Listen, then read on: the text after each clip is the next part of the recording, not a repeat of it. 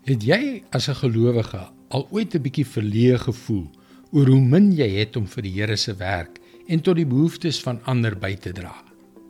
Ander kan soveel gee, maar ek het so min. Hallo, ek is Jockey Gouchee vir Bernie Diamond. En welkom weer by Vars. Miskien was dit nog nooit vir jou 'n probleem om mildelik te kan gee nie. Of dalk het jy net soos ek destyds nie eers genoeg geld gehad om kos op die tafel te sit nie. Wat nog te sê van 'n paar munte om op 'n Sondag in die kollektebordjie te gooi nie. En dit is glad nie 'n lekker gevoel nie. Wanneer ek terugdink aan daardie tye van swaar kry, was ek diep geraak deur iets wat die senior pastoor van ons kerk, Stuart Croshaw, gesê het.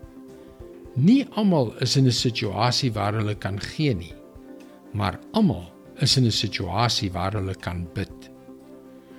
Hoe dikwels dink ons aan gebed as 'n swak plaasvervanger vir gee?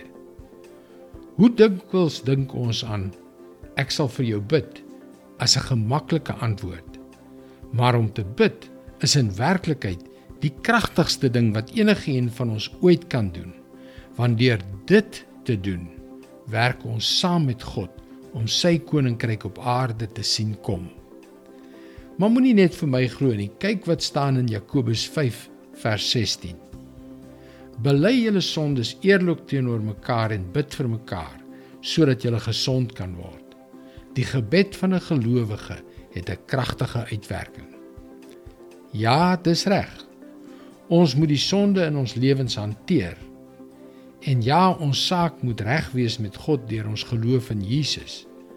Maar onthou die belofte dat die gebed van 'n gelowige 'n kragtige uitwerking het. Moet nooit ooit die krag van jou gebed onderskat nie. Dit is God se woord vars vir jou vandag. My vriend, daar is soveel krag in gebed om lewens te transformeer. As jy 'n bietjie meer wil uitvind, gaan gerus na ons webwerf varsvandag.co.za waar jy vir hierdie vars boodskappe kan inteken.